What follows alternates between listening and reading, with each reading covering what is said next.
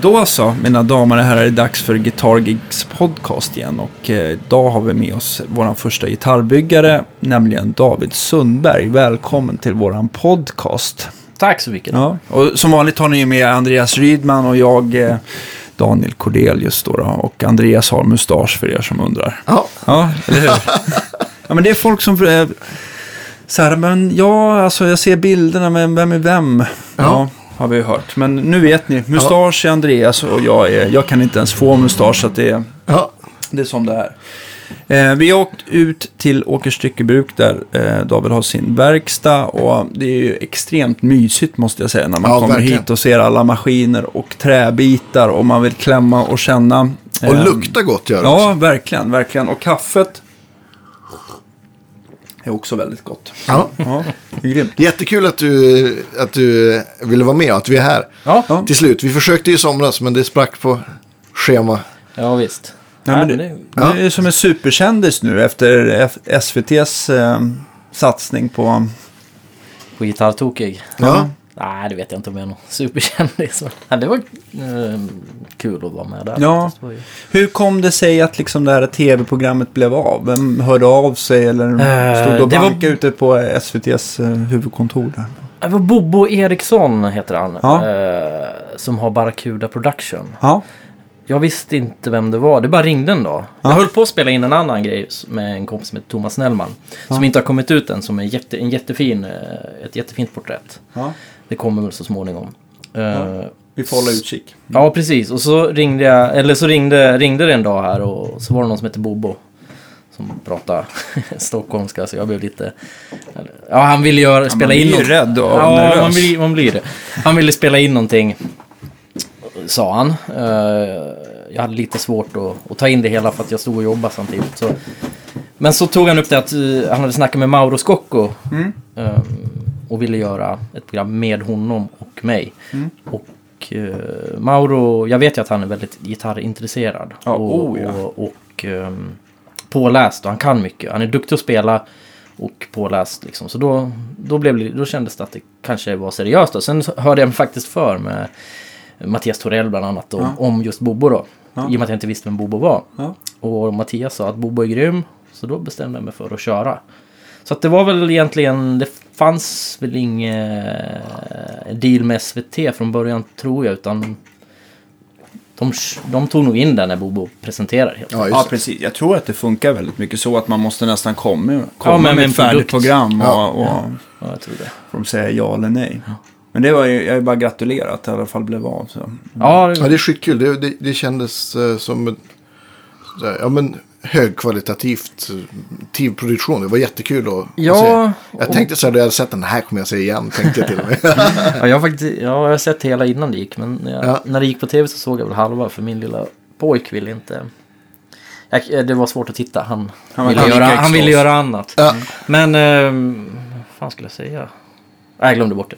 Nej, men, eh, men okej, men vad...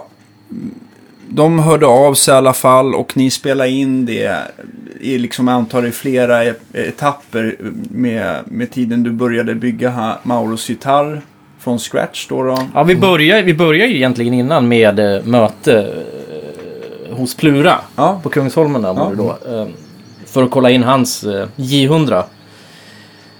Gibson J100. Ja, en Gibson Ja, J100 ja. som han har haft i, i många år och som många gillar.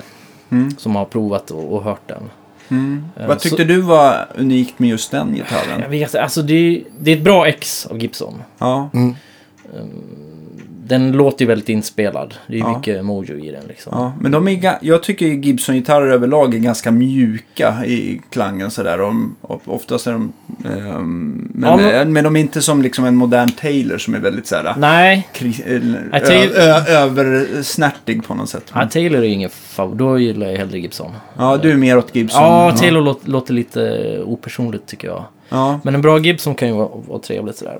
Men det har ju med skallängd och allting Ja. att göra. Om det ska låta mjukt eller som du säger. Hur upplever, om vi tittar bara, bara pausar, vi, det kommer ju vara väldigt mycket, känner jag, i just det här programmet, att vi spårar ur. Ja, men det är Ja, bra. Så nu börjar vi spåra ur. Ja. Just det här med skallängd på en akustisk gitarr. Eh, jag kan tänka mig som Gibson kör 24-75 Mm. tum? Och Fender-skalan är väl 25,5. Ja, precis. På el, el, el pratar du nu? Ja, el pratar vi nu. Och jag tänkte på Martin och sånt där. De använder väl bägge de skallängderna eller använder de ytterligare någonting? Alltså jag, om jag ska vara helt ärlig så är jag skitdålig på eh, vad andra tillverkar, vad modeller heter, vad de har för skallängder. precis. vad jag, jag, medvetet har jag valt bort att inte grotta in mig i vad... eh, Mm. Det är klart att, att får jag en Martin som låter väldigt bra så mäter jag i skalan vad Ja, det är och precis. sådär. Eh, undrar om inte de har 20 25,5 eller 25,4 Ja, eh, precis. på sina jag tror att det akustiska. ligger där. Till exempel på en Dreadnought och en OM så är det den här långskaliga då. Medan de här tri- eh, eh, 0, dubbel 0 och trippel 0 så är det kortskaliga. 24,9 kanske. Ja, någonting. Att det är lite kortare. Jag är Fan. dålig på det där, men, Ja. men, men du har helt rätt i det du säger. Men, men jag tänkte på, hur upplevs det om man liksom skulle försöka bygga en... en ja, vad anser du om klangskillnaden mellan en kortskala och en långskalig? Kan man säga någonting? För samma strängtjocklek blir ju lite stiffare på den långskaliga. Ja, men, det blir det ju. Men tonalt, hur upplever du det då? Eller går det att säga någonting Ja, det här med generellt? förklara, förklara ljud är ju... Eller så här, Mm. är ju svårt för alla har ju olika ord för allting. Ja, Men men vi tar det blir ju mer häng i en lång eh, Ja, skala. Den är ju lättare att stämma ner och... ja det. Det kan bli mer skjut i den liksom. Ja. Med, Medan en kortskaligare kan kännas lite mer kranvänlig. Ja, lite mer Du, du, lättöjd. ja, precis. Det det Ja. säga. Du, du, du börjar automatiskt töja om, Ja. som gitarrist. Liksom. Men det är inte Kanske man lite mjukare Ja. anslag också, inte lika rappt. Ja, eller speltekniken snabbt anslag också. Ja. påverkas ju. Ja, absolut. Men det är mer spelkänsla du tycker med skallängden och liksom, men det är inte liksom så här att gitarrerna blir mycket mörkare åt det ena eller andra hållet utan eller...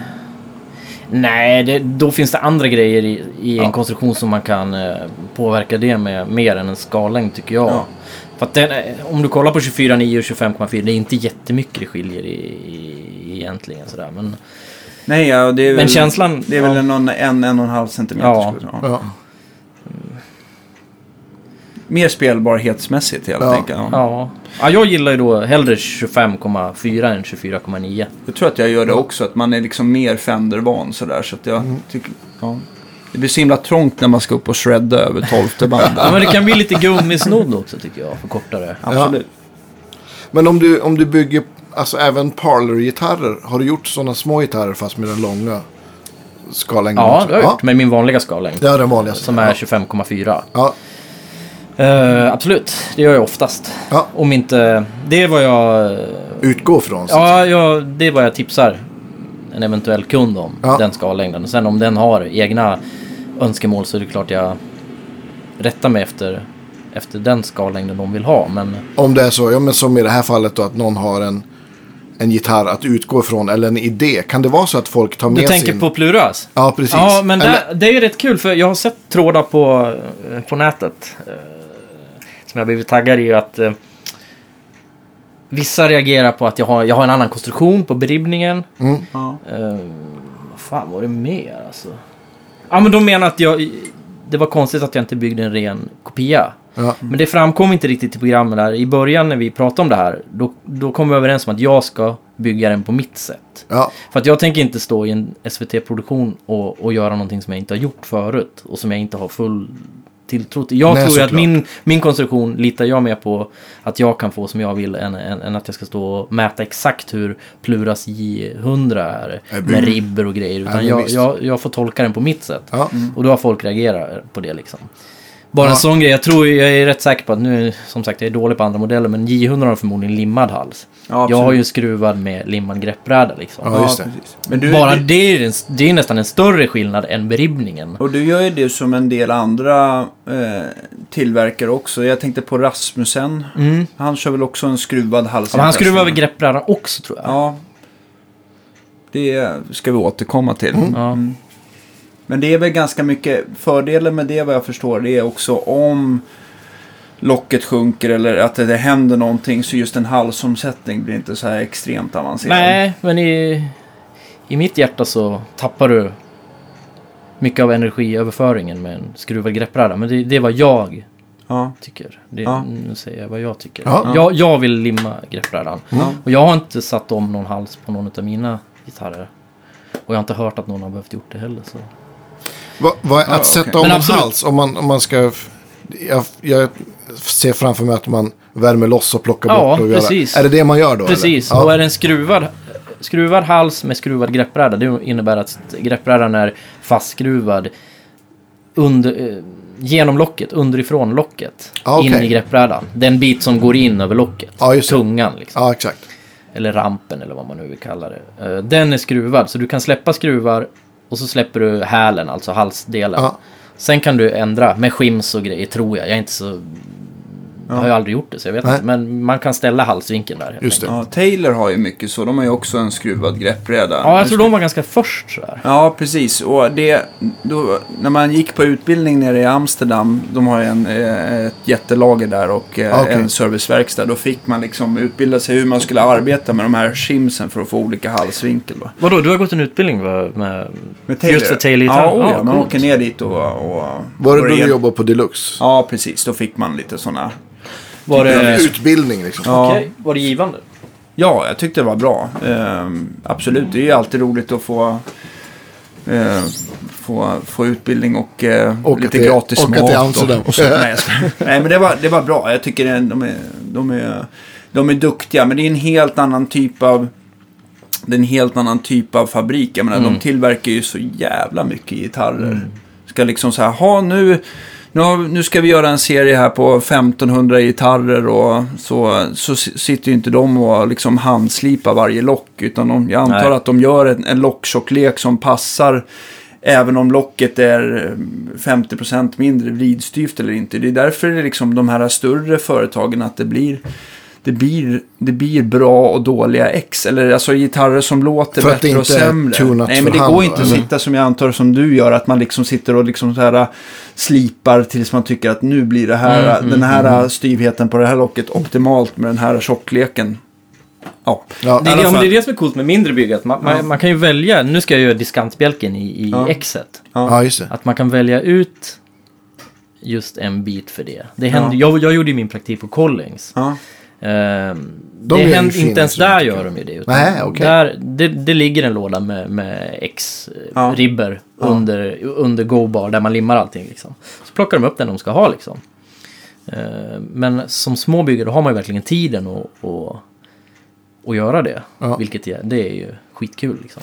För, fol- för folk som, jag tänkte bara flika in, med folk som inte vet var X-ribban sitter någonstans så kan man oftast känna den om man tar ner fingret i, eh, i eh, ljudhålet så, så känner man den precis... eh, På stålsträngar, li- ja. På stålsträngar mot sta- nedanför mot stallet där lite grann. Mm. Kanske man kan Okej. säga. Ja. Forts- fortsätt.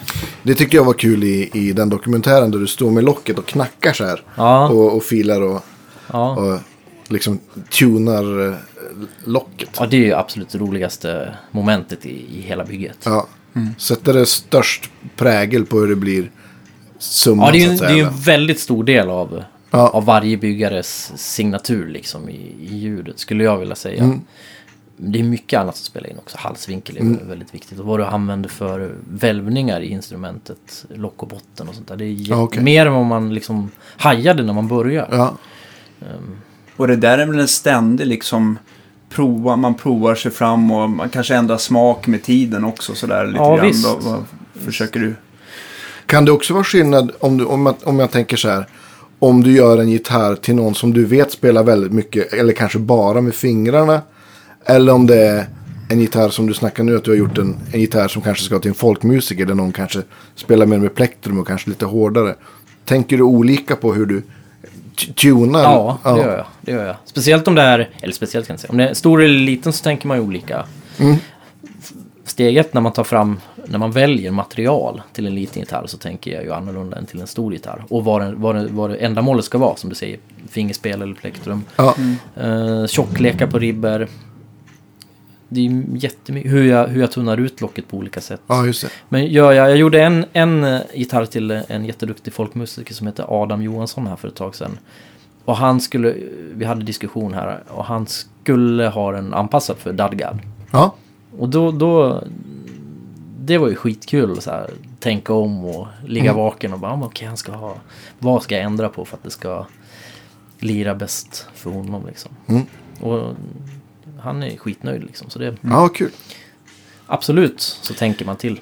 Men jag tänkte att det man vill med en, eftersom man inte spelar vanligtvis lika hårt med fingerplock mot- som Mm. på ett plektrum så vill man ha, man vill egentligen vad jag förstår få lite mer lättstartad gitarr. Att den, liksom, att den reagerar på Mm, anslag. förstår. Men den kanske går liksom lite snabbare i taket. Medan en, en, en, en plektrumgitarr, den vill man att den ska kanske leverera lite mer ljudvolym. Ja. Men den kanske känns lite trögare för fingerspelet. där. Jag är ju lite... så? Ja, ja, absolut. Ja. Men jag vill inte gå hela vägen på det där lättdrivna Nej. som du snackar Nej. om här. Nej. För det blir som...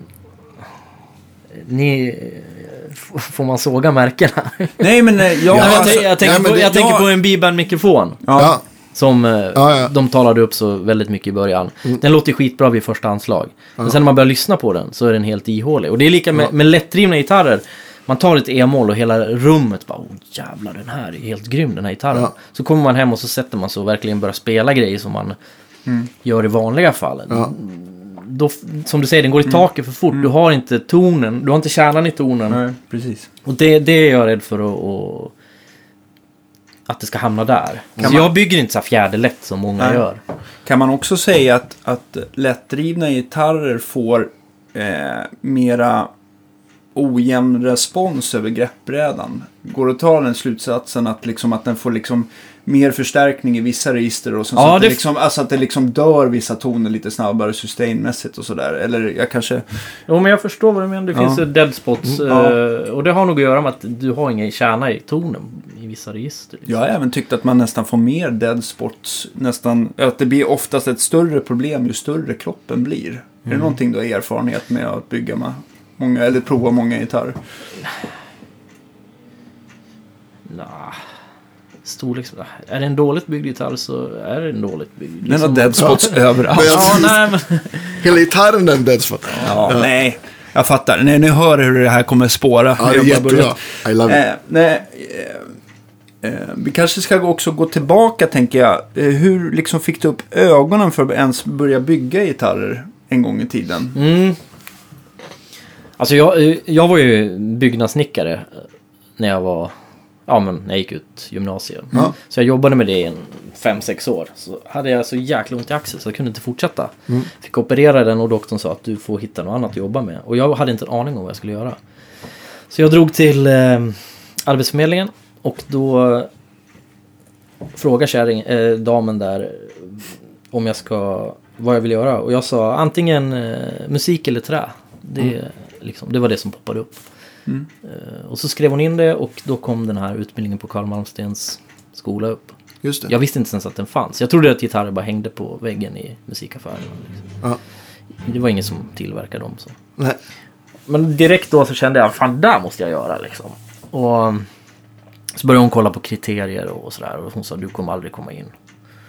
För att du saknar möbelsnickeriutbildning och, och det ena och det andra. Men jag sa, men jag, men jag söker och kommer jag inte in då går jag möbelsnickeri. För, eh, för att få behörighet. Ja. Men på något jävla vänster så lyckades jag lura hela skolledningen och komma in där. Eh, första sökningen. Ja. Så eh, det var ju väldigt tur. Och sen... Ah, var det liksom som en provgitarr som du fick visa upp? Nej, man skulle eller? visa arbetsprov. Till Ja. exempel om du har byggt något, någon möbel eller om du Ja. har gjort rita. Bara visa att du har en konstnärlig eh, Ja. touch liksom. Vad fan det var. Ja. Så jag drog till min morfar och eh, byggde... Fan byggde jag? Byggde ett hörnskåp. Skitfult. Eh, och tog kort ganska långt ifrån. Och så hade Ja. jag några andra grejer som jag hade gjort. Jag hade gjort lusthus. Och något CD-ställ så här. Så tog dåliga foton och skickade Ja. med. Så tänkte det här kommer ju aldrig gå. Liksom. Så blev jag kallad på intervju och då åkte jag till Stockholm och, och gjorde den. Så att det var arbetsprov, inte instrument var det tvunget att vara utan det var hantverk. Ja, okej, okej. Så. Och så, men alla andra som, hade gått, som gick med mig, gick ovan mig. Vi var två personer i varje årskull på gitarrbyggarprogrammet då. Det var ju, de hade ju gått möbelsnickare. Så de kunde alla maskiner. Jag kunde ingenting. Jag visste inte hur man hyvlade på en planhyvel. Rikthyvel, planhyvel. Så, Okej. så jag fick liksom smygkolla och hela tiden. I bör, första halvåret fick jag försöka lära mig maskinerna där. Så att, Mm. Väldigt mycket tid i början. Och då, det höll i sig. Så jag var alltid, jag var alltid först där och, och sist hem om jag inte sov över. Liksom, för vi hade tillgång till lokalerna hela tiden. Var låg loka- utbildningen då någonstans? Då låg den på uh, Söders hantverkshus. Ja, jag är på Södermalm. Ja. Kärrhovsgatan tror Ja, jag. det. Ja, Kärrosplan. Ja, precis. Ja. För numera, Café lig- 44. för numera är väl den utbildningen utflyttad till Upplands Väsby utanför Stockholm va? Ja, fast det är ju en fristående utbildning. Ja. Gitarrbyggarlinjen lades ner på Malmstens och blev en, en eh, fristående utbildning. Okej, Aha. men, Som men, är Upplands ja, Väsby. ja, precis. Ja. Men nu är det väl inte två per årskull. Nu tror jag att det är lite... Ja, nu, jag vet 42. Inte, 42. Nej, men det är långt många fler. Ja, Jaha, okej. 7-8 skulle jag Ja, tro. det är att så det är pass. sånt. Jag har faktiskt aldrig varit där. Hur lång var den utbildningen då? Tre år när jag gick högskola. Ja, Nu vet jag inte hur lång den är, men eh, det var hårt alltså. Det var, Ja. Och i och med att det är högskola så kommer det in massa andra grejer. Som ekonomi, engelska, vi hade Ja. svenska, vi hade träteknik. Mm. Och, som kan låta som att det är väldigt relevant. Men Mm. träteknik på en högskola har ju ingenting med... och bygga en gitarr. Nej, eller möbler eller någonting liksom. Det var... Vad, vad är träteknik för något? Det var så här, hur, hur har... I och för sig roliga saker att veta liksom. Mm. Men eh, hur har eh, det här träslaget börjat växa i Sverige? Jo, det kom med inlandsisen och rota sig här och Ja. så, sådana där grejer liksom. Så det var väldigt uppståndelse där. För det var första året det var högskolan när jag gick. Okej. Så många var ju väldigt frustrerade att vi skulle lägga tid på, på sånt. Inte stå i verkstaden liksom. Ja. Ja, det kan jag tänka mig. Jag kommer inte ens ihåg vad frågan var. Här. Nej, men, Jo, hur ja, men hur det. började. Ja. Ja. Ja, men det var väl så. Ja. Och sen så efter tre år där, då hade du antagligen hunnit bygga några instrument i alla fall, eller? Ja, jag tror det låg kanske åtta i utbildningsschemat. Jag tror att jag gjorde 15 på skolan och sånt. Oj, ja. Det var ju många som gjorde flera, men Ja. i och med att jag var där så mycket så Ja. jag gjorde ganska många. Och under tiden hade jag varit på Collings då och gjort praktiken. ja. Så, och det, det, alltså skolan blev ju, det blev ju faktiskt tyvärr bara självstudier. För att situationen var som den var. Eh, Läraren satt bara inne på kontoret och Läste sur, om sura inlandsisen, liksom. inlandsisen där. då. Ja, nej, ja men typ. Jaha, nej, men, men det blev så tråkig stämning så det, han var väl deppig liksom. Bara satt där. Och, så vi hade en kurs. Första man gjorde var en Bolin-gitarr. Och den, det kunde han nog vara med och, och fixa till liksom. Men sen var det, då var det i princip självstudier. Så praktiktiden för mig i Austin och Skolnings var ju skit. Det var ju nästan så jag lärde mig mer där än vad jag gjorde på, på tre år på Södermalm. Och de, de tar väl in gärna eh, så folk som, som pluggar till instrumentmakare? Nej, eller de tar, de tar inte in någon. Nej. Alltså jag, jag tror jag skickade sju brev. Eh, om att få göra praktik. För att jag hade känt på de där gitarrerna på Guitar People. Ja, just det. Mm. Eh, och han, hade, han köpte in dem då. Så han hade också skickat mejl och Och det var ju Försök- nära utbildningen Ja, precis. där också. Ja. jobbade där på lördagarna. Så han, han, Mats diggade mig så han försökte få in mig på Collings på praktik. Jag skickade brev för jag ville dit för jag hade sett deras eh, finish och, och liksom, Ja. det var ju svinhäftiga gitarrer. Så jag ville dit och jag tjatade, tjatade, tjatade. Nej, vi, vi, vi har inte tid att ta in dem. Det är helt värdelöst. Så, så sista mejl jag skickade bara, "Ja, nu har jag bokat, bokat en flygbiljett så jag kommer komma då och då så kommer jag åka hem då. Och då gav de upp. bara, Ja, men kom hit. Du får väl, du får väl eh, sopa golvet eller bara gå och titta då. Du är extremt bra på att göra kaffe i alla fall. Kanske... Nej, det ska Eh, så... När jag kom dit så tre dagar så var jag i produktion. Vilket Ah, var nice. jäkligt... Asgrymt. Ja, Vad kul. Det här är så här, jag, jag älskar sådana här stories med, med folk som är målmedvetna och vill något och inte ger upp. ja. Ja, jag, Ja, jag, det- jag kände jag- själv att, det, att jag blev lite tjatig sådär. Men jag tänkte Ja, ja, att men det, varför? Ja. fan, det spelar ingen roll. Helt Ja, det, det lönar sig ibland. För jag ville inte till Martin, jag ville inte till Tail eller något sånt där. Liksom. Jag ville till Gör, gör, high-end. de, vad är det, s- gör de alla sina instrument på samma ställe? Eller jag har ju ingen koll på. Ja, nu har de en ny verkstad. Mot, Ja, okej. Nu är det större, så de har expan- expanderat lite. Men då, det är ju en, en byggnad var det. Det är Mm. det fortfarande också. Men det var olika, jag var ju jag var på kropps... ja, just Där det. man bygger kropparna. Gjorde de alltså mandolinkropparna? Ja, det var, på, det var på övervåningen. Ja, okej. Ja. Och där jobbade Bill, Bill Collins som, var, som var eh, som startade hela Mm. det märket. Han, han satt bara på mandoliner och ibland gjorde de någon, någon artstop som han, han gjorde liksom. Ja. Eh, och han försökte ju lura upp mig dit men jag, jag vägrade. så mm, en lokal men olika liksom, olika folk på olika... Det var ju folk som bara höll på med lack. Bara setup. Ja. Bara Station, bara halsar. liksom. Och då blir det ju för jävla bra liksom. Eh, får jag fråga, hur stor, eller hur många arbetade då på Collings? Jag tror att, vad kan det vara, 30-40 pers? Okej, med administration och allting då? Eller, eller bara, pratar vi ja. bara i verkstaden nu? Eller i tillverkning? Jag vet inte om jag ska svara, jag kommer bara ljuga. Men, men där någonstans, tre, säg ja, men 30-40 och då är det väl admin också liksom. Okej. Hur, mycket, hur mycket har du vuxit idag? Är det bara att det är större lokaler med samma antal Nej, det är människor? nog fler. Okej. Nu har de ju elgitarren också. Ja, just De är för övrigt- De- Och så har de gjort Water, Waterloo. alltså. De är det? Ja. Ja, de ser jäkligt Jag testade en 335 och det blev så här, okej. Ja, Ja, jag provade Gibson, också. åk på studiebesök. Ja kände men jag då. alltså, Col- Bill han har ju precis dött. Han gick ju bort Ja, okej. här för ett tag sedan tyvärr. Men hans... Alltså, han släppte ju ingenting till slumpen. Det var ju... Nej. Det var ju mm, helt omöjligt att släppa igenom något. Så, så jag fattar att de är bra. Mm. Eh, Sen har de ju Waterloo under märket. Ja. Som är... Eh, de har gått in för att bygga lite old style. Mm. Ta en, rensar inte lim och, och det är bara några lager lack så de är inte blanka utan med så här ej porfyllda liksom. Ja. Och sådär. Och det är en billigare linje. Ja. Men de är säkert svinbra också. För det är ju samma tänk hela vägen i, Ja, i, i hantverket. Så, att, Ja. så det är nog jättebra gitarrer. Ja, just det. Ja, det finns väl massa saker man kan liksom tumma ner på som tar väldigt mycket tid Mm. som inte folk. Men lack är väl en sån grej Ja. som, som är extremt tidskrävande om det ska bli blankt och fint. Ja, och tunt antar Det är jag. ju ett arbete i sig. Alltså det är ett yrke i sig. Ytbehandling. Det är ju det, är det som är svårast att lära sig. Körde Collings bara cellulosa eller valde de att göra något annat? För Taylor de har väl någon slags UV-lack på dem, i alla fall på alla gitarrer jag har sett. Hela vägen. Ja, precis. Ja. De, de vill ju ha en snabb härdning och Ja. Collings hade ju UV som, som eh, filler. Ja, Så att säga. Och sen så toppar de med cellulosa. Och det tror jag det är många som gör för att kunna säga att man har cellulosa. Vad är filler då för en... en... Det handlar om att fylla upp eh, porerna. porerna. Ah. Så En det- träyta, går man in på den så är den ju väldigt gropig. Mm. Och all lackning inför de sista, sista två dagarna kan man säga är för att fylla upp porerna. För att få blir det jämnt slät och slätt. liksom. Ja. Som att spackla en vägg. Och sen Ja, så har väl. Ja. UV-färgen ett ganska bra att den sjunker liksom inte in i porerna heller med Nej. tiden. Så kan väl en cellulosa göra. Att den nästan så här, man ser att den, den, Den kanske. Mm. är blank när den har lämnat fabriken. Men sen efter några år så känner man att det liksom Ja. blir porigare och porigare, porigare yta då. Ja, okej. Så att, ehm, Men där på Collins så, hamnade du på någon speciell station eller fick du göra massa olika saker? Nej, det var då? kropps, Ja, det var kropps. Ja. Ja. Och sen så fick jag även ta fram delar som bindings och, Mm. och tagglistor som det heter invändigt på gitarren och sånt.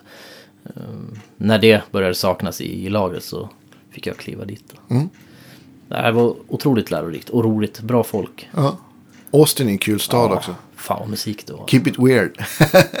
Har ni, har ni varit där? ja, jag var där. Har du Jag sett har den här äh, missat. musikmagasinet? Så vad som händer varje vecka? Ja, ja, visst. Det är fantastiskt. Helt sjukt. De, de eh, säger att de är den stad i världen som har mest livemusik. Det, Ja, det var ju som en telefonkatalog. ja, det är en av dem i alla fall. Ja. Ja, det är dagens restips, säger jag. Ja. eh, fan- fanns det också någon siffra på då hur många liksom, instrument som lämnade Collings varje månad? ja, det har jag vetat men jag har faktiskt glömt bort det. Okej. Så jag kan inte svara på det tyvärr. Men eh, Det är inte så mycket som man tror. det är under 50 i månaden eller är det... Nej, det måste vara mer va? Okej. För jag kommer ihåg när jag var och hälsade på Fender. Det här är nästan tio år sedan i alla fall. Då I tror jag- Kalifornien. Ja, i Kalifornien. Då vet jag att bägge fabrikerna då i alla fall på el. Eh, både Mexiko och USA, de, de körde väl, ja, vad fasiken var det? Var det så här extrema mängder? Alltså så här 500 instrument om dagen eller någonting Ja. sånt. Oj, Ja. det är Och det- jättemycket. Det är jättemycket. Per, per, per fabrik va. Och det är, ju- då kan man ju impo, bli imponerad av andra saker. Att, man liksom är, att det blir ett så bra resultat med tanke på hur många gitarrer de får ut. Nu har jag, inte, jag, jag har inte någon siffra på Taylor och Martin. Men Taylor tror jag får ut flera instrument än vad Collins Martin får gör. Ja, ja, eller Nej, Martin. Martin, ja, Martin får ut väldigt mycket, det Ja. vet jag. Men ja, vi, vi återkommer med, vi får med kolla färsk, siffrorna. färsk statistik sen. Exakt. Ola Gustafsson brukar ju ha siffrorna i knät. Ja, exakt. Ja. Vi får... Kan kolla med honom. Ola, du får återkomma med siffrorna absolut. Coolt. Ja, men, Men- så, hur, länge, hur länge var det i Austin sa du? Det var fyra månader tror jag. Fyra månader? Ja, Ja. där någonstans Ja. har jag för mig. Och så sen när du skulle åka hem, då, då ville de inte släppa dig eller? Jag fick erbjudande om att stanna kvar, men det gick ju inte. Jag var ju råpeppad på att komma hem. Jag skulle göra gesällprovet när Ja. jag kom hem. Det Ja. var nästa grej liksom. Ja. Så jag, jag tror till och med att jag skar ner någon vecka där borta och drog tidigare. Bokade om och, och drog för jag var så jäkla laddad. Mm. Så det var bara hem och börja med det. Vad, vad byggde du då? Då byggde jag en eh, Jumbo, alltså en J45 Sunny Jumbo eh, kopia. Den hänger där inne slaktad nu faktiskt. Brazilian Rosewood. Sitka, jag, kö, jag köpte ett Sitka-lock av Collings när jag var där. Valde ut ett i deras. Brazilian, Sitka-lock och eh, mahognyhals. En klassiker. kan En man- klassiker. Ja. Mm. Schysst. Men nu- nu är det väl inte så här jättelätt att eh, eh, ta beställningar, Brasilien eller Rosewood överhuvudtaget med de här nya la- exportlagarna va? Eller? det- Nej, det är ju inte det. Speciellt Brasilien är ju Ja. skitsvårt. För det första så, jag försöker aldrig sälja på Brasilien till någon som inte verkligen vill ha det. Nej. För att då behåller jag hellre lagret liksom. Ja. Det är inte så kul att lura på någon 10 000 Men, man, men man har certifierat att det liksom, Ja, det är- måste det här man är ju ha. rätt. Ja. Eh, Jag har papper så- på mitt ja, ja, precis, så här, virkeslager. sågat innan något vitt. Jag kommer inte ihåg vilket årtal det ska vara Nej. sågat innan. Men det är, länge sedan i alla Ja, fall. Ja. Precis. Men det stämmer. Men eh, de, de andra Rosewood-arterna är ju under CITES 2, vilket gör det lite lättare. Mm. Utanför EU måste du hålla på med certifikat och sånt. Men Mm. det, det är lättare. Jag har ju sån tur att jag jobbar ju mest med folk i Sverige. Det har Ja. ju blivit i USA och massa andra länder också. Men Ja, bland, Keith Richards eh, läste jag mig till va? ja, just det. Ja. Just det. Det måste vi återkomma till. Ja. Ja, eh, ja men det, det är lite jidder. ja. Men eh, det är inget problem i Sverige och Nej. i EU. Nej. Kan, då kan man alltså, vad, vad säger han, vad hette den klassificeringen? CITES. CITES 2, sa du det? CITES 2 är i Ostindisk jacaranda till exempel. Ja, Kan man då resa i Europa utan att råka illa ut med...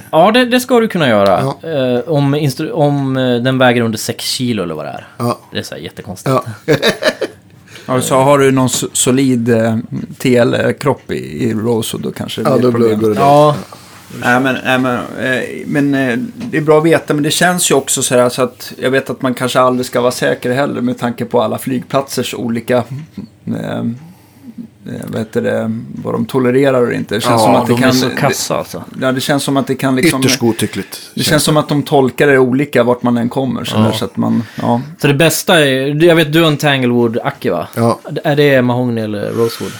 nej, det är mahogny. Ja, ja men hade det varit rosewood då... Ja. Det bästa är ju att bara kopiera upp kvittot, inköpskvittot. Ja, det. den här är köpt innan... Eh, var det i år? De klassificerade? Ja, Ja, men precis. Ja, innan, om det var nyligen i alla 16 fall. januari eller vad Ja. fan det var. Att Ja. den är köpt innan 2017. Ja, just det. Så låt mig vara liksom. Fast det är ju tråkigt att chansa. Jo, det är det ju Och också. man vill ju heller inte att man ska åka till USA så ligger gitarren i tullen i tre månader. Nej, då får du det- göra något annat under. Ja, exakt. Gör podden. Ja, precis. Men jag, jag tänker också sådär...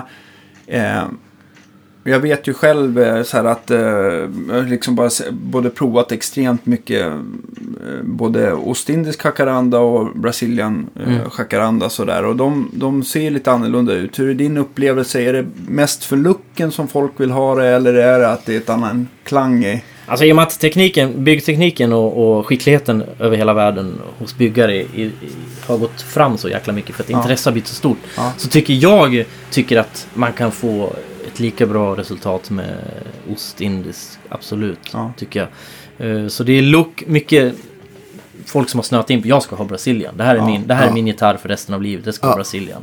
Fine, då ska du ha det såklart. Men eh, jag tycker att det skiljer inte så jäkla mycket om man gör, Nej. om man gör eh, en bra gitarr. Liksom. Nej. Sen vad som händer om x antal år med Brasilien, det är att den kanske öppnar upp sig lite mer. Eh, Brasilien har ju lite längre inspelningstid än Ostindisk, upplever jag det som. Ja. Upplever du att det är hårdare eller mjukare att arbeta med? Det är hårdare tycker Ja. jag. Sen är det ju mer sprickbenäget. Ja. Är det.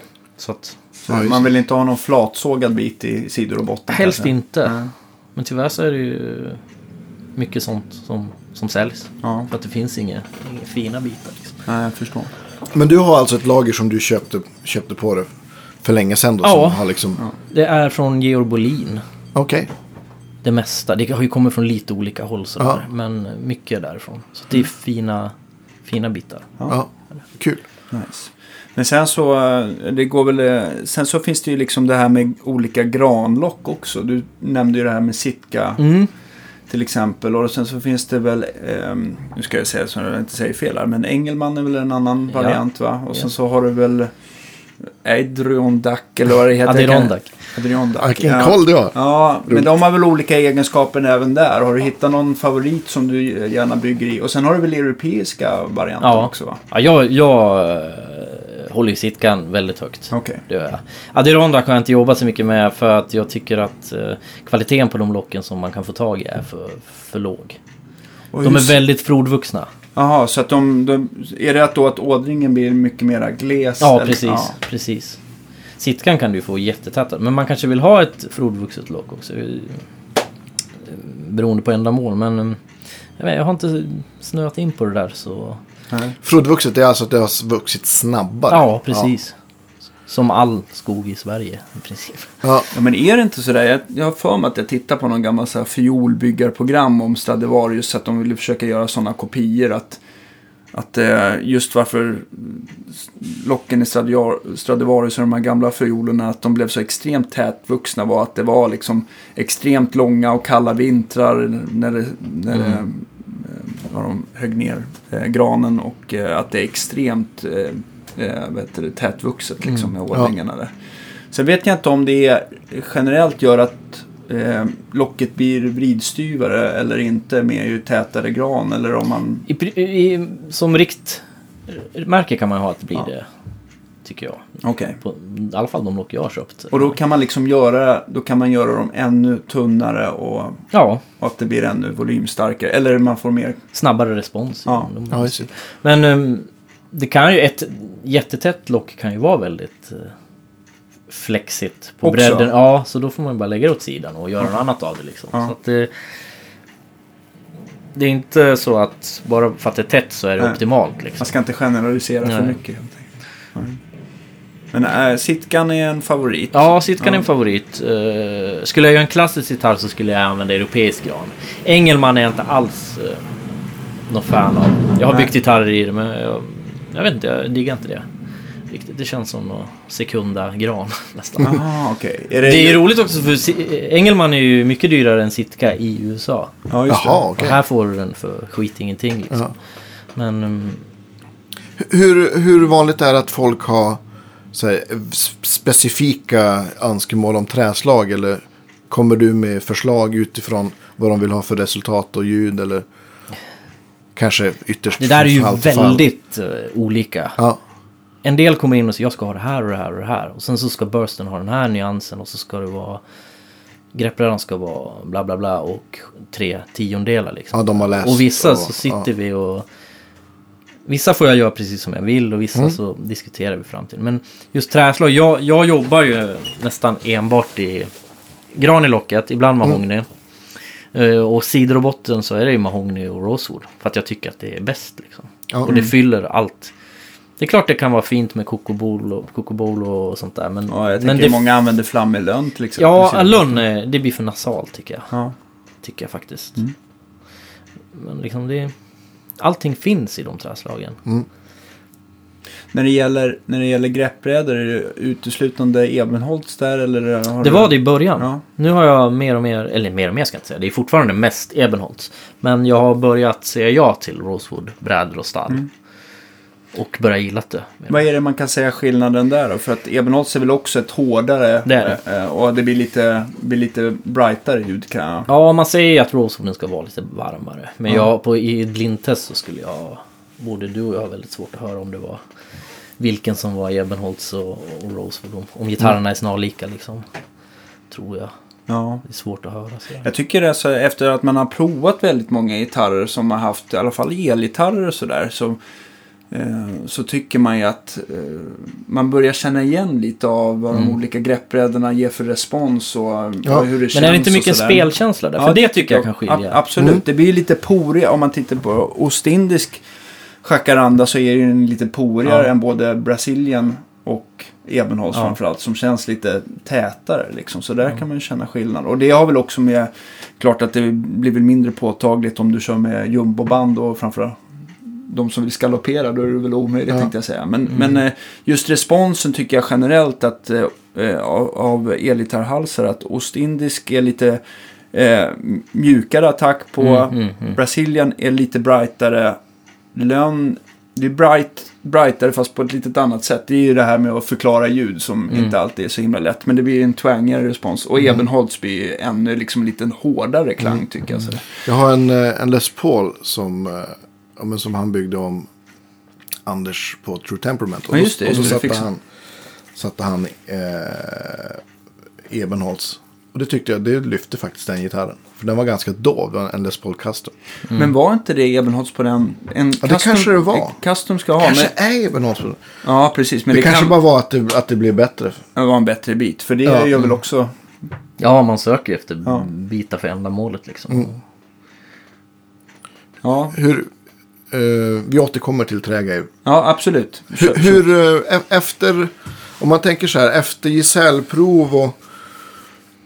Vad, då du, vad hände sen liksom? Efter, då du gick ut plugget och... Ja, alltså, ja men gesällgranskningen måste jag backa till då. Ja, ja, ja. Eh, Då hade jag hade ju sån flyt, jag fick eh, väldigt fint omdöme. Så, och men, eh, eh, båda granskarna egentligen, men en Det var väl inte flyt, det var väl för att det var väldigt bra. Jag la ner mycket tid kanske. Ja. Men eh, en av granskarna, Mattias Torell, Ja. som är en favoritgitarrist Ja. hos mig, har varit länge. Du är inte ensam. Nej. Han ville han ville köpa gesällen har jag för mig. Ja. Men den vill inte jag sälja såklart. Mm. Eh, Så då byggde jag en, eh, en till honom, en OM som han köpte där. Mm. Och det blev ju, då började ju han spela på den och, och, och folk såg det och så. Så att det blev en, Ja, just det. en väldig språngbräda för mig. Och innan gesällen hade jag gjort elgitarren till eh, Nicky i Hives. Just det. Som också låg lite som så här grogrund att folk såg den. Ja. Och- han vill väl alltid ha svarta och vita Ja, den var ju va? så vit det går. Ja, så så, så han har faktiskt ritat om kroppen lite och huvudet längre och sådär. Lite smalare. och Så. Men, eh, och så är det en Firebird upphöjning mitt på kroppen. Så Ja. det stallet sitter. Men, ehm, så där hade jag en jäkligt bra sp- språngbräda. Ja. I- Mattias gitarr gjorde jag klart innan jag gick ut. Men då hade jag... Jag tror jag hade tre beställningar när jag slutade skolan. Mm. Och jag hade sånt flyt så att läraren hade en verkstad. Vi bodde i Helenlund båda två. Han hade en verkstad där inte han var. Han var ju Mm. Lärare. vad- Och- så jag fick flyt. bara hoppa in där och, och Och kunde var det börja. dagtid liksom? Ja. eller? Ja. Så jag hyrde den av honom och sen dess har jag haft jobb hela tiden. Liksom. Ja. Så att... Flyt på granskningen där och så börjar folk bli intresserade. ja. ja, men det måste ju vara, det måste ju vara vinnar... Eh, receptet att man gör, man gör ett väldigt bra instrument och att man får rätt människor att spela på det så, så, Ja. så känns det som att knutarna löser sig av sig Ja. själv på något sätt. Ja, ja det har rullat på Ja. själv... Vad säger man? Jag, har, jag har inte behövt göra så mycket Nej. liksom, utan jag har haft det flytet att folk har kommit. Du har inte hyrt den här bilen som kör omkring med stan med en stor Nej, skylt? här. nej, nej. Även om... Går omkring Folk tror det. Gra- Ja, just det. Jag kan inte prata längre. Drottninggatan med en stor skylt. Nej, men... eh, Ja, extremt kul. Eh, Hur många gitarrer hann du med då jämfört med idag? För att jag antar att man liksom effektiviserar tillverkningsprocessen och kanske kan... Väldigt Snabba mycket. på det lite grann. det, nu idag rullar det på mycket mer. Som jag pratade med Andreas här innan. Ja. Jag tror jag har sju gitarrer igång nu. Ja. I olika stadier. Mm. Eh, Sådär. Men, och ska börja på något åttonde i morse egentligen. Men då kom det ju någon podd. Ja. men eh, Jävlarna. det de jäklarna. Men eh, absolut, men första åren då la jag ner så jäkla mycket tid. Så då gjorde jag också, säg att jag gjorde 20-25 gitarrer på ett år. Mm. eh, Första åren. Och sen avtog det lite. Avtog det lite. Men nu är jag där igen. Och, men nu är det ju mer effektiviserat som du säger. Ja, nu, okej. Jag har ett helt annat tänk i hur jag ska... Min hund här i bakgrunden som... Det är någon som kommer. Ja. Men... Eh, jo, absolut som du säger. Man blir ju bättre att planera och bättre att tänka att... Gör jag det här idag, då kan jag ju det imorgon och då går allt framåt. Ja, men såklart. Och men jag kan också tänka mig att i början kanske det var så att, att du påbörjade gitarrer kanske lite mer så här duttvis. Nu kan du Ja, liksom... men då var man ju så jävla peppad så, så fort man fick in något så bara... nu ska det här bli klart. Ja. Och så fick man in en annan nästa dag, då skulle den bli klar. Liksom. Ja. Alltså nu kan du så här, ha, ja men, ja du har, vad sa du, sex? Ja, vi, sju, ser, vi tittar sju. på lite kroppar där. Är fem där. Ja. Två, två mahogny va? Och tre... Två mahogny och tre rosewood ja. Och då kan man säga att de gör liksom samma resa, du gör liknande moment då, eller? Ja, det, där går de... Eh, det är en ensam, två i lag och så en ensam som ska bli tre och gå tre Ja, i samma liksom, just det. process. ja. Sådär. Ja. Kul, jag ska se fram Jag har ju fått äran att provspela den här äh, gitarren som du hade med i tv i alla fall. Det är den enda Ja, av dina som jag har provspelat den till Mauro där. Men det var ett extremt fin tycker jag. ja, modellen är väl ingen favorit hos mig. Den är så jäkla stor alltså.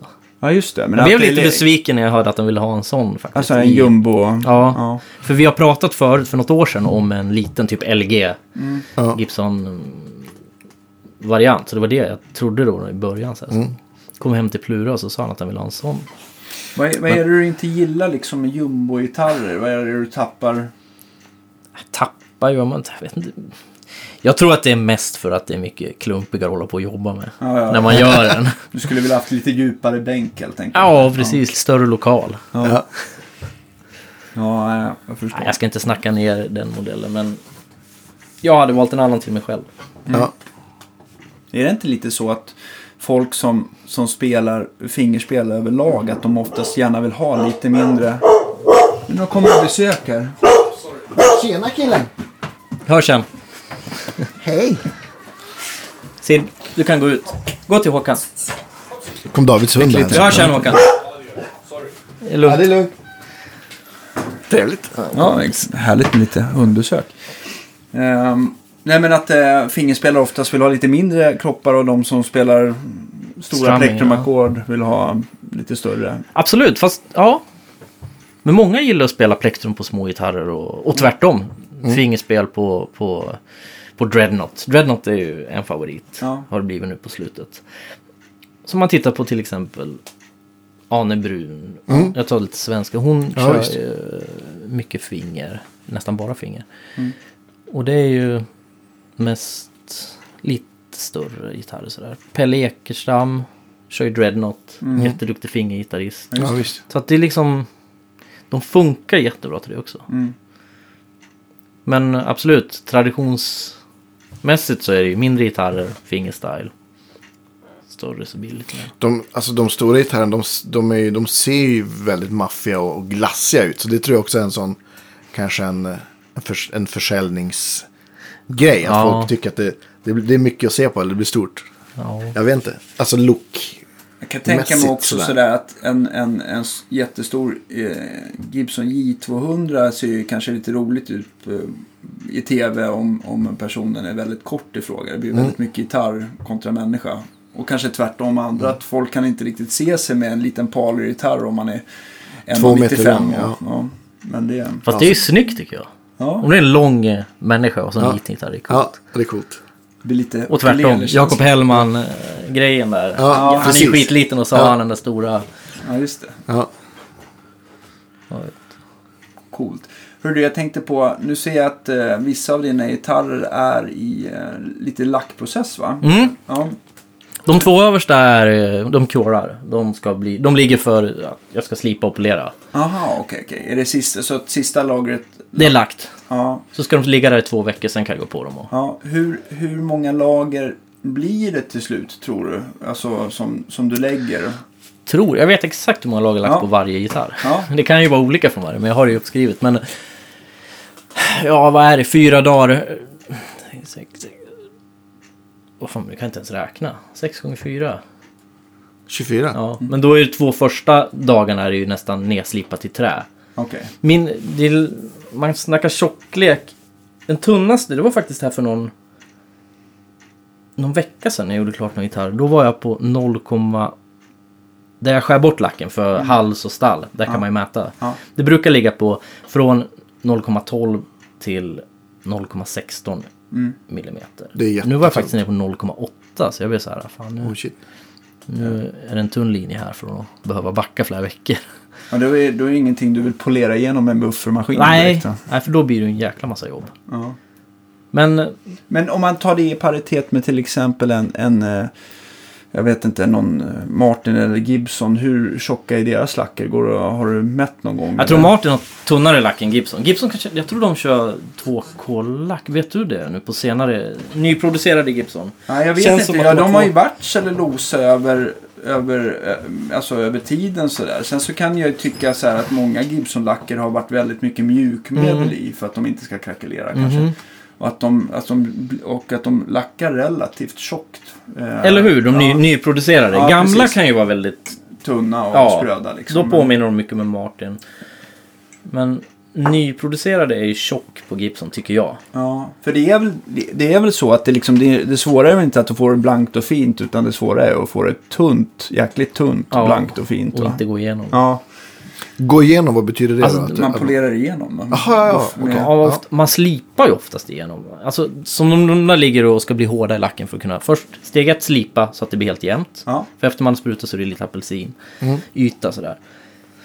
Slipa så att det blir jämnt. Olika konstorlekar och sen buffa. Och ja, det är klart man buffar igen. Men jag tycker det är ofta, mer ofta man slipar det igen. ja, precis. I det momentet liksom. Mm. Och hur länge torkar det mellan varje, varje, varje gång så att säga? Varje lack. Väl- Mellan lackning? Ja men om jag lägger, säg att jag lägger sex lager på en dag då. Ja, Jag försöker ju ha en timme mellan lagren. då. ja. Och så det härdar till lite grann Ja. i alla fall. Ja. Precis, så det hinner flykta lite. Jag tror det ligger där någonstans. Och det här med tunna, tunna lack, eller ha, ha så, eller så tunt som möjligt. Men man, man dödar man klang om man har för mycket, för tjock lack då? Ja, alltså. Eller,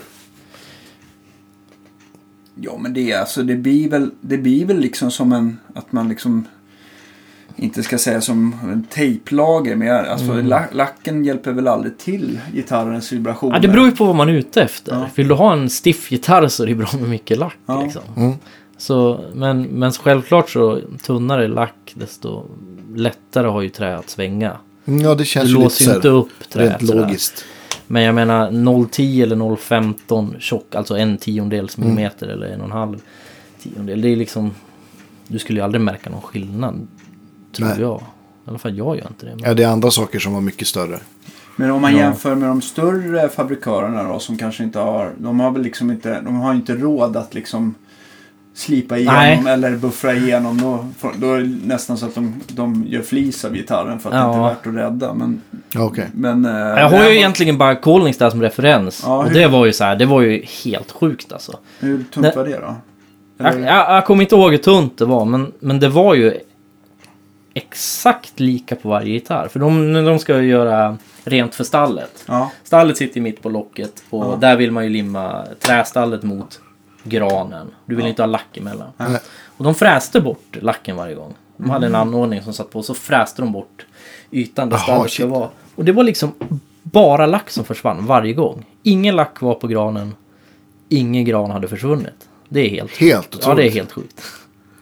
Det är häftigt. Ja, ja, verkligen. För att ändå så här att fräsa det. För att, eh, jag vet inte hur Collings gör, men vill man inte ha en lätt alltså, båge på locket? Jo, Alltså Det har de, en välv- en välvning. En, en välvning Ja, Den, har ska ju. vara, den ska ju vara liksom ett svagt, svagt, svagt, svagt eh, ja, välvning helt Mm. enkelt. Då, då, eh, så att den är lite högre på mitten. Och just att fräsa just det där så att det liksom tar Ja. lika mycket över hela stallet. Det är, ja, jag kan tänka mig att det är... Ja, det, är det gör de, hade de ju jiggen lika Ja. välvd och sådär. Ja. Och stallet har ju samma välvning. Ja, att, men men ja, det var väldigt, när jag såg det första gången, vad, vad ska du göra liksom? En stor fräs upp på gitarren och så. Mm. Och för greppbrädan fräste de också bort. För det är inte så himla ovanligt att folk eh, limmar stallet efter lackning. Eller, eller måste man alltid ta bort lacken för att det ska liksom kunna sitta ordentligt? Ja, det tycker jag. Ja. Ja, Jag vet inte hur folk gör. Jag tänkte om man Nej, jag, alltså om... Jag skulle inte köpa en gitarr som jag visste att eh, stallet var limmat på lacken. Det är så du menar va? Ja, Uppe på lacken. Ja, Nej, det skulle jag aldrig göra. Nej, Dels så att det, det, det släpper det, liksom. det håller ju inte lika bra. Men det är ju trä mot trä-kontakten som man är ute, jag är ute efter. Alltså. Mm. Hade man ett lim som man visste att det här kommer sitta på lacken. Det här kommer aldrig släppa. Mm. Så tror jag ändå att jag hade tagit bort lacken för att få den den kontakten. Annars har du ju, som du sa för en tejpbit emellan Mm. lock och stall. Om man ska hårdra det. Ja, just det. Ja. Hm. Där ser man. Det är också. enheten. I, I konstruktionen. Allt ska vara en enhet tycker jag. Ja. Hals, huvud, stall, allting. Så Det är ingen... därför jag inte gillar skruva greppbräda heller. För att det inte blir en... Ja. Det tummar på min enhet. Ja, du vill ha liksom trä mot trä. Ja, liksom. jag vill, där ska det vara dött. Där är det, dött. Ja. det ska vara Ja. så stumt som det bara. Det, det är nästan lika stort hjärta som lock. Man säger att locket är hjärtat på gitarren. Ja. Konstruktionen och, och beribbningen och hur man gör det. Men just halsinfästningen och halsvinkel och sånt. Det är ju lika stor del. Tycker jag. Med energiöverföring. Man vill ha upp energi i huvudet och det ska komma tillbaks. Okej. För tunn hals så orkar det inte komma tillbaks. För tjock hals så orkar det knappt komma upp. Så att det är mycket som...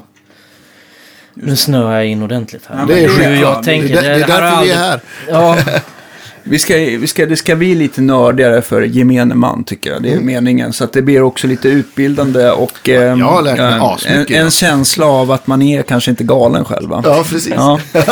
Jag tycker, det låter nästan så när man börjar... Nej, det, Sina det, tankar det, högt. nej, men det är bra. Nej, men jag tycker, jag tycker att det är bara bra. Eh, men sen så just, ja men det är intressant det där med, med tjockleken på halsen. Men jag antar att det också har att göra med vilket halsmaterial och det är väl massa Ja. saker som spelar roll. Sådär. Men det var intressant att du sa det. För att jag kan tycka också sådär att jag, jag, är, jag är ett fan av, av jättefeta halsar eh, på mina elgitarrer. Och det är inte alltid att det blir jättebra. Jag kan också tycka att någonstans så kan det, är träbiten extremt hård och eh, att halsen är för tjock så blir det nästan lite, Lite stumt. dött. Ja, det Ja. blir lite dött Ja. också. Ja. Så att, ehm, ja. Ja, det är...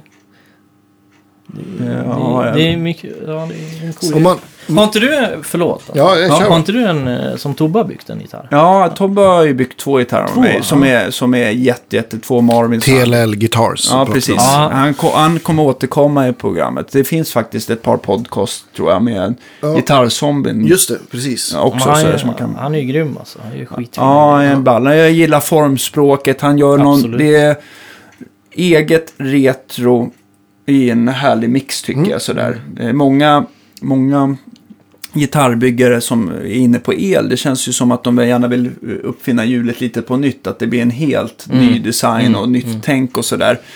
Och jag förstår att det finns folk som vill ha det också, men det, det, liksom, det, slår inte an någon sträng hos mig direkt. Och jag tycker Tobbe har en, däremot en, en ganska... Mm. Det känns som att det är en, en gitarr som alltid har funnits, eller kunde lika gärna ha gjorts på...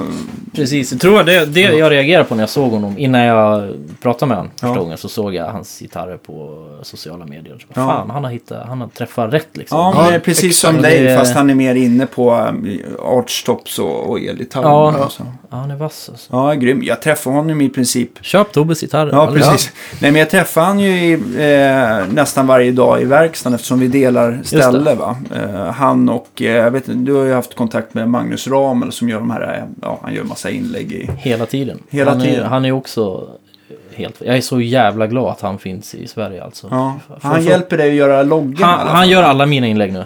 Ja, Alla, han gör logger, han gör... Eh, ofta vill ju folk ha personliga stora Inlägg, eller små liksom. grejer. Ja. Ibland snygga, ibland mindre snygga. Ja. Men eh, Tobbe, eh, nej, Magnus gör alla dem åt mig. Och, Ja. och det är så, för det första så är det mycket, mycket lättare designmässigt och så. Han fattar mycket enklare. Jag har ju jobbat med amerikanska inlay-artister Ja. tidigare. Och de har ju fattat nu att de, de, de förstår ju ingenting. De förstår inte design, de förstår inte hur man vill ha, de förstår ingenting. Men Magnus är det bara... och sen Ja. så är det så himla skönt att ha honom det- nu- Nära, ja. Nära, att man liksom kan liksom åka på plats och, och bolla lite idéer Ja. fram och tillbaka. Och sen så tycker jag att Jag ser ju också han arbetar liksom hela tiden och att det blir sån otrolig jäkla laser. Alltså han, han, han, han gör ju alla loggorna, inte då att han har liksom för hand, utan Nej. han har ju sina CNC-fräsar som liksom fräser ut både loggan och där det ska sitta exakt. Ja, det blir, liksom, säga det det blir ju att- inget mellanrum. Va? Att Det, det var ju en kul i, i tv-programmet. Om man såg då du var hos honom och han passade in. Ja. Liksom.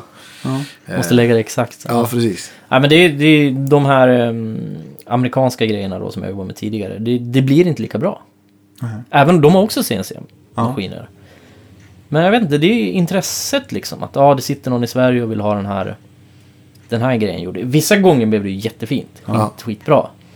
Men... eh, Men det var lite för mycket toppar och dalar ja, enkelt. precis. Och så här... um, Och leveranstiden var ju... Först ska jag skicka dit en greppbräda, sen ska de göra det och skicka tillbaks den. Ja. Nu sitter Magnus i Stockholm och gör det där liksom. Nej, jag är skitglad att... Ja, för er som vill komma förbi eh, Terrängvägen 17 Ja. i Hägersten är välkomna att kolla i alla fall. Och kolla på Magnus och ja, Tobias. Oss. Ja. Jättesöta. John Olsson är ju där och bygger förstärkare också. Ja. kan ju också spännande. Gott Eh, kaffe har ni också. Ja.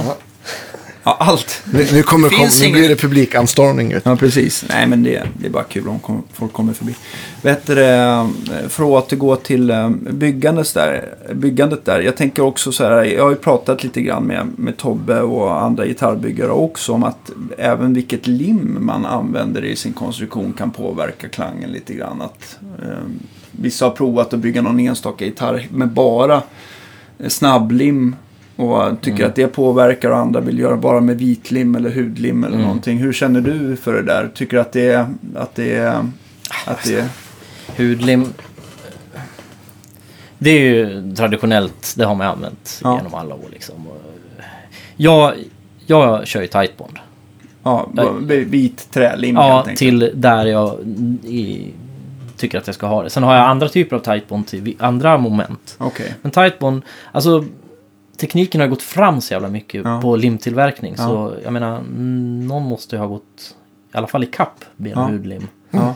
Ehm, Men jag har full respekt för de som vill använda ben och. Men det är, det är inte min bag liksom. Nej. Alltså säger jag väl också att man vänjer sig vid en limtyp. Att den, Ja, för ja, att den man liksom, ja. För att eh, de är väl olika och arb- de, de re- inte samma sätt. Olika så. tryck när man ska limma det. Här behöver jag... jag nu när jag kört ett lim Ja. Till varje moment liksom. Då, då vet jag ju att ja, men sitter i en timme då räcker det gott och väl. Gör du samma sak till bandningen också eller använder du snabblim där? Jag brukar använda tightbond. Ja. Och hur gör du? Eh, det brukar vara både och. Det kan vara både tightbond eller snabblim så här, Mm. beroende på lite vad det ska vara. Men, ja, Ja, snabblim är något jag skulle... Vi kan ta... Du kan få ta Kolla en kurs, lite här. Sen kurs så är. Magnus, Magnus Ramel som liksom håller på med inlägg. Där är ju bara snabblim som Ja. gäller. Tror jag i alla fall. Han får Jo. rätta mig men... men, men eh, Ja men det gör jag också. De små inlägg jag gör så är det ju snabblim. Men, Ja. eh, men inte till något annat. nej. Och någon kantlistor då. Så. Ja, precis.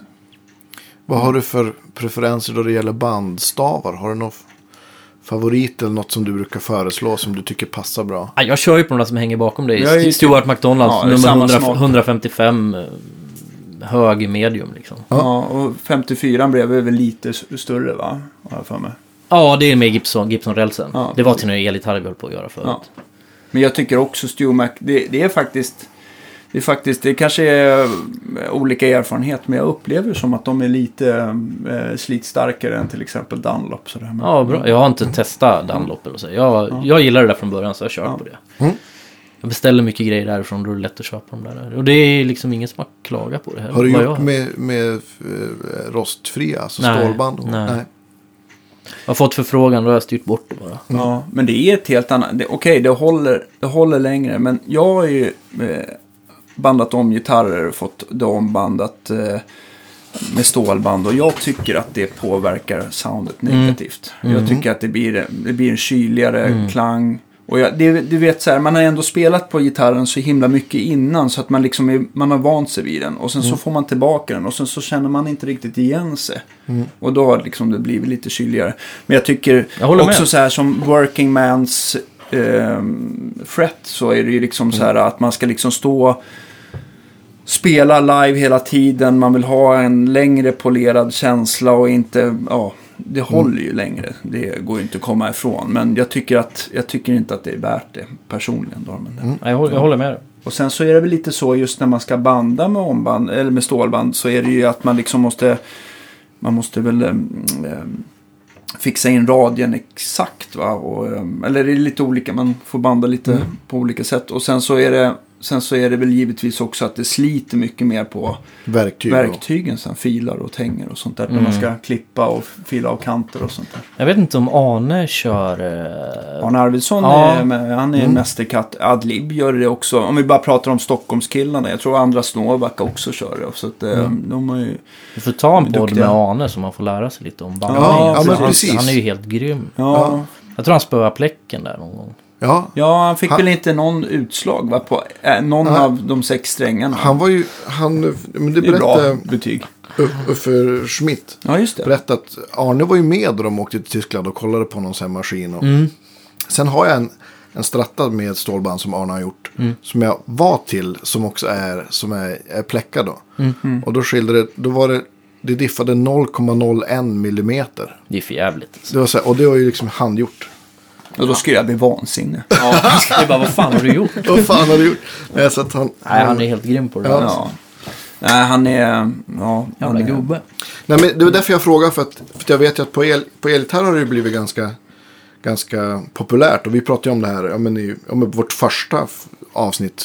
För, ja, men snart ett år sedan med, med Astner, Staffan ja. Asner Ja, som, som bytte till på grund av Där finns det ju-. Ja, ja, där Ja. finns det en klar fördel. Nej, men, och sen, sen slog det mig det jag tänkte på, på bandstavar att jag har aldrig, aldrig hört om det på akustiska gitarrer. Att finns det någon som har det på akustiska gitarrer över- överhuvudtaget? Stålband. Ja, men det tror jag. Ja, Som sagt, jag är inte så inläst på andra. Jag försöker Nej. hålla mig borta. Och Ja. det, det finns det säkert.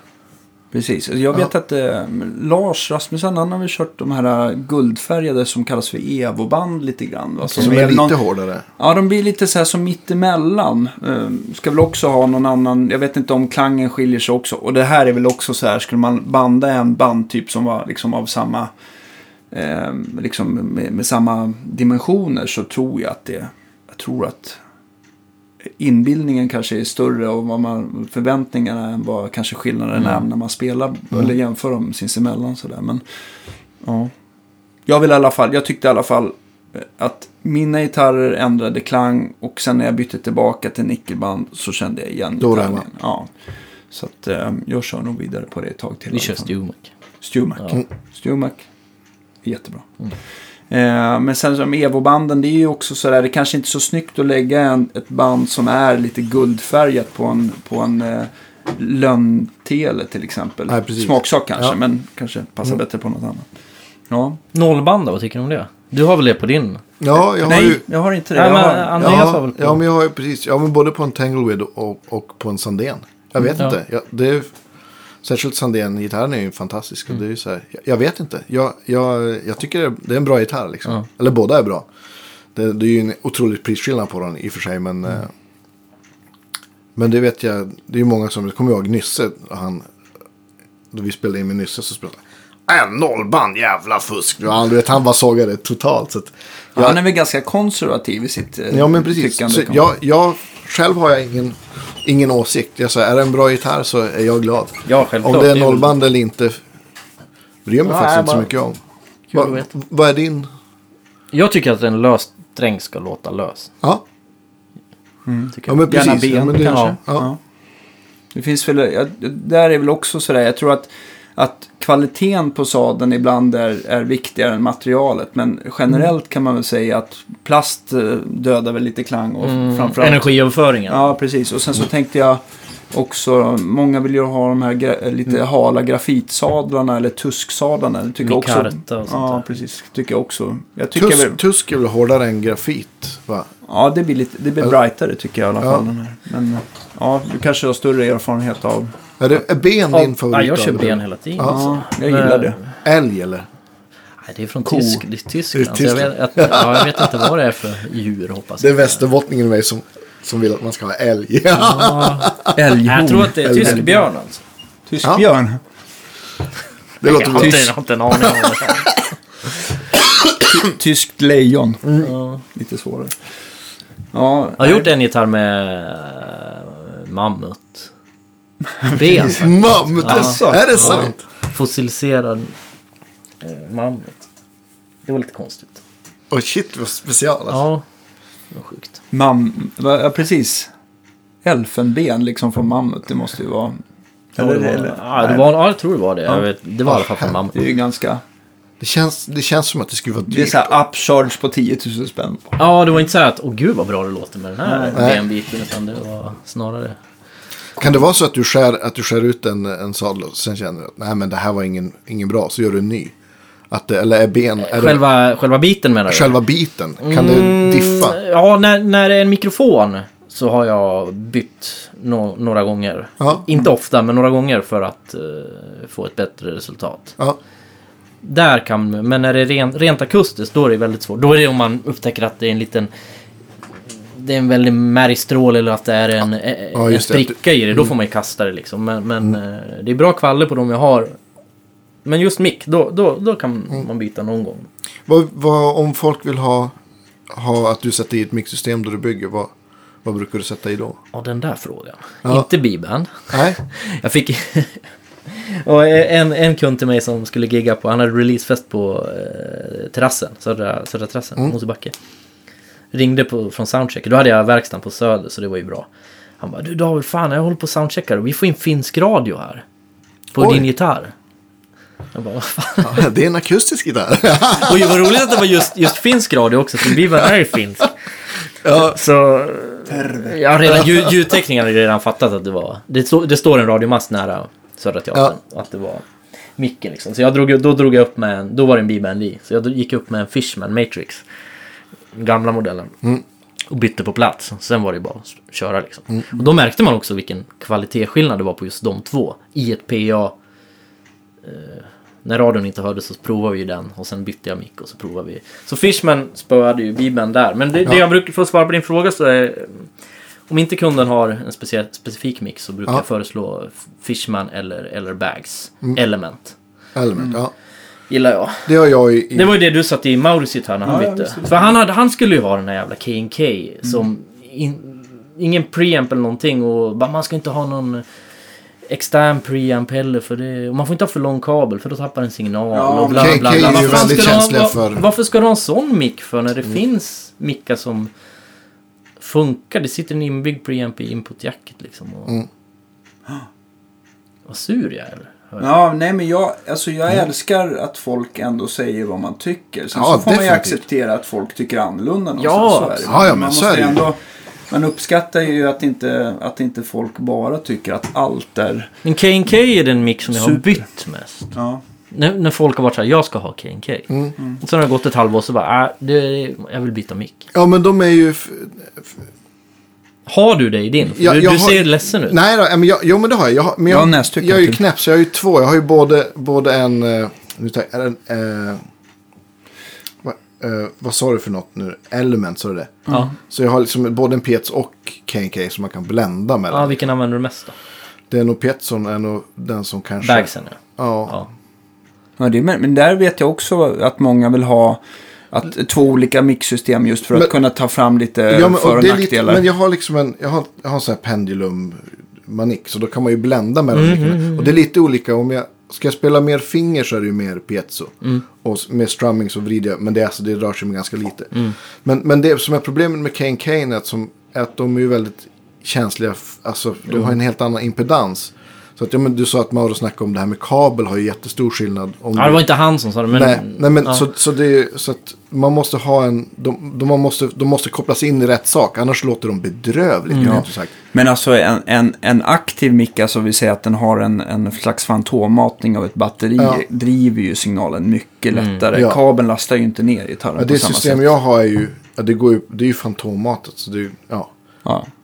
Ja. Du kör in 240 volt i gitarren. Och... ja, det är, det är trefas. Trefas. Nej, Schmack. ja. Ja. Nej, jag, jag, eh, har, så- men vi har ju faktiskt eh, ett intressant eh, program om detta med Anders Kahn som ni kan lyssna in när vi håller på och testar akustiska mickar eh, realtid, realtid mot ja, varandra. precis. Hörru, Jag ska ja. bara, bara sticka in med det Ja. här att vi kör tills, Ja. tills de ringer. För Absolut. att måste guida dem och så. Ja, vi har, ju, vi har ju finbesök här i verkstaden snart. Ja, precis. Jag är Ja. skitpeppad. Är- eh, First Aid Kit var det Ja, precis. Klara från gitarristen där. Det är kul. ja, Grymt. jättekul. Det, det känns ju som att det leder in på nästa. Du har ju byggt gitarrer till, till en del ganska kända människor. Ja, men Ryan Adams har vi Mm. pratat om till exempel. Eller Keith Richards. Eller, hur, hur, har dina gitarrer hamnat på avvägar och de har fått testa? Eller hur har det, liksom, hur har det kommit sig? Eh, Just Ryan, då... eh, det var ganska nära efter skolan, så jag jobbade kvar på Guitar People. Mm. Och så var det två gitarrister inne där som testade mina gitarrer och var så här, ja, fan vad coolt liksom. Svenskar, jag kommer faktiskt inte ihåg vad de heter. Mm. Men det var så här... studiogitarrister. Mm. Och så började vi prata om Ryan skulle spela i Stockholm. Så... du, du, du, Ja, jag känner managern liksom. Så fick jag bara ett samtal någon dag senare och sa bara, Ryan vill träffa dig. Så jag fick biljetter till gigget och så tog jag med mig två... Tog med mig gisellen och en till gitarr. Mm. Så kollade gigget och så skulle vi ses efter. Och han var så här, han kunde ju vara jäkligt... Han kan ju vara lite Speciellt. lite svår. Så så han, han kom inte ut liksom där vi skulle träffas. Så han skickade ut sin gitarrist tre gånger för att prova min gitarr. Och han sprang in varje gång. "Men Du måste komma och prova. Du måste komma och testa. Det är jättekul liksom. Mm. Han kom inte. Till slut kom han. Satt sig mitt på golvet där, publikhavet. Ah, Det var ju tomt i lokalen. Ja. Eh, slog ner en, då drack han ju fortfarande, slog ner en vinare i golvet där och så satt han sig där och så satt han kanske i 20 minuter och bara sjöng sina låtar liksom, ganska tyst här och bara spelade lite. Ja, vad coolt. Det var så jävla mäktigt. Ja, Jag, jag, shit. älskar ju Jag får lite gåshud Ja, nu. han är- han Fan är vad coolt alltså. Och så bara, I, I want one of those. Så, Ja. så var den grejen, att jag fick Ja. hjälp med, en, eh, med kontakten då. då. Mm. Och just med Keith som du nämnde där, då var det en, en svensk artist som, som känner honom som styrde upp det hela. Mm. Han tyckte att han skulle ha en och så, mm, ja, jag, vet inte, jag vet faktiskt inte hur det gick till, mer än att han tog med sig gitarren när han skulle på en av deras familjeträffar liksom. Ja, På Jamaica tror jag det var. okej. Och så mm, fick jag jättebra återkoppling av den artisten sen. Det är, Mm. det är inte så att Keith har ringt upp mig och sagt, att, Nej. sagt det ena eller andra. Utan, Det vore roligt att se honom springa omkring här ute. ja visst, i åkerstycken. Där. Ja. Ja. Nej men, nej, men så det, det är tillfälligheter liksom. ja. Men det är kul att det, har, att det faller väl ut. Men är det inte sådär att eh, man vill känna när man får en ny gitarr eh, i händerna? Att man liksom får inspiration och inte vill sluta spela. Ja, ja, visst. Det är det som är kul med, med, med instrument sådär. Att man liksom inte vill lägga ifrån sig det. Att man, Och jag tror att alla, jag tänker både på låtskrivare och gitarrister, vill gärna ha sådana instrument så att man liksom känner att det blir liksom Ja. lätt, lätt, att, lätt att öva och spela helt enkelt. Så man blir produktiv. Ja, men det är väl lite så en, en, en ny gitarr kan ju ge en ny gnista och Verkligen. Mm. så blir det. Jo men det vet jag ju själv, alltså gitarr det håller jag på med hela tiden. Men fiske är ju en stor grej för mig. Ja. Och så fort man har köpt ett nytt fiskespö eller ett nytt bete, då är man ju i himlen. Ja, men det är lite extra Och det, pepp. ja visst, Det då, kan, liksom då spelar det ingen roll om man inte får något hugg utan det är bara kul att, Ja. kasta det nya betet liksom. Ja, visst. Tills man inser att det inte är något bra. Ja, då, får jag, då slänger du i dig Ja, själv. precis. köper man nytt då. Ja. Ja, men du har ju, du, om man kollar på din hemsida så är det ju många, många stora svenska artister och musiker som har dina gitarrer Mm. också. Jag tänker, Vakenius har väl ett par stycken va? Ulf själv har fyra och hans son har en. De kör Ja. mycket ihop nu. Ja, precis. Eh, Så, Erik som är svinduktig alltså. Ja, visst. De är nästan så bra ihop så att det blir äckligt. Ja, de har gjort en skiva som är väldigt... Ja, jag har faktiskt inte lyssnat på den. Har du hört den? Ja. ja. Ja, jag har inte... Jag skulle få den, men den dyker väl upp. Men ja, det är för jävla bra. Det vore en kul podd. Far och son. Och de kommer ju... Älskar det. De är ju... När det handlar om gitarrer, då är det... Mm. Ja, Och dit. ja, Vilket bemötande. Vi, hade, vi var ju där och filmade till den här filmen som inte har kommit ut. ja okej. Det bemötande var ju helt fantastiskt. Ja, roligt. Ja. Vet du när den filmen kommer? Alltså det är lite så här... äh, Lite löst. Tv eller nätet. Ja. Vad som ska hända och så. Jag kan inte svara på det. Nej, det behöver du inte. Nej, jag- vet inte. Nej, Hade jag Vi kanske så kan annonsera i, Ja, det kan i vi- en framtida podd. Ja, det kan vi göra definitivt.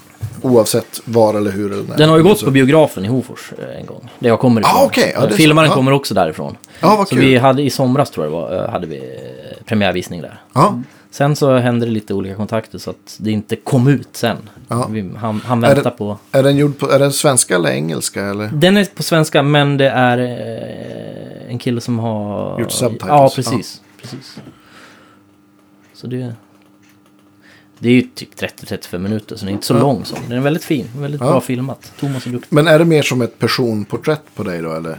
Eller om dig och dina gitarrer? Ja, det är det väl. Jag vet väl inte riktigt hur man ska förklara men går igenom det är lite lugnare än Bobos produktion. Ja. Mauro-grejen där. eh, Är det. Tycker jag. Ja. Mm. Kompletterar säkert varandra. Ja, ja, ja. Vet, jag, tänkte, jag tänkte också så här, du pratade med oss innan vi började spela in här att eh, du kommer inte vara här för all framtid utan du håller på att bygga en ny verkstad. Precis, jag, har- det, här, det här är ju min tredje verkstad. Och ingen verkstad har varit min. Liksom så. Nej. Och nu håller jag på, nu är det bara någon vecka kvar till det ska bli flytt. Mm. Byggt en verkstad hemma på gården. Ja. Vilket jag ser fram emot väldigt mycket för att flytta in. Där man har stationer för varje grej. Här får jag möblera om så fort jag ska göra någonting. Okej, Ja, ja. Man slår i sig och gör illa sig och man blir arg. Och man vill ju att det ska flytta på liksom. Mm.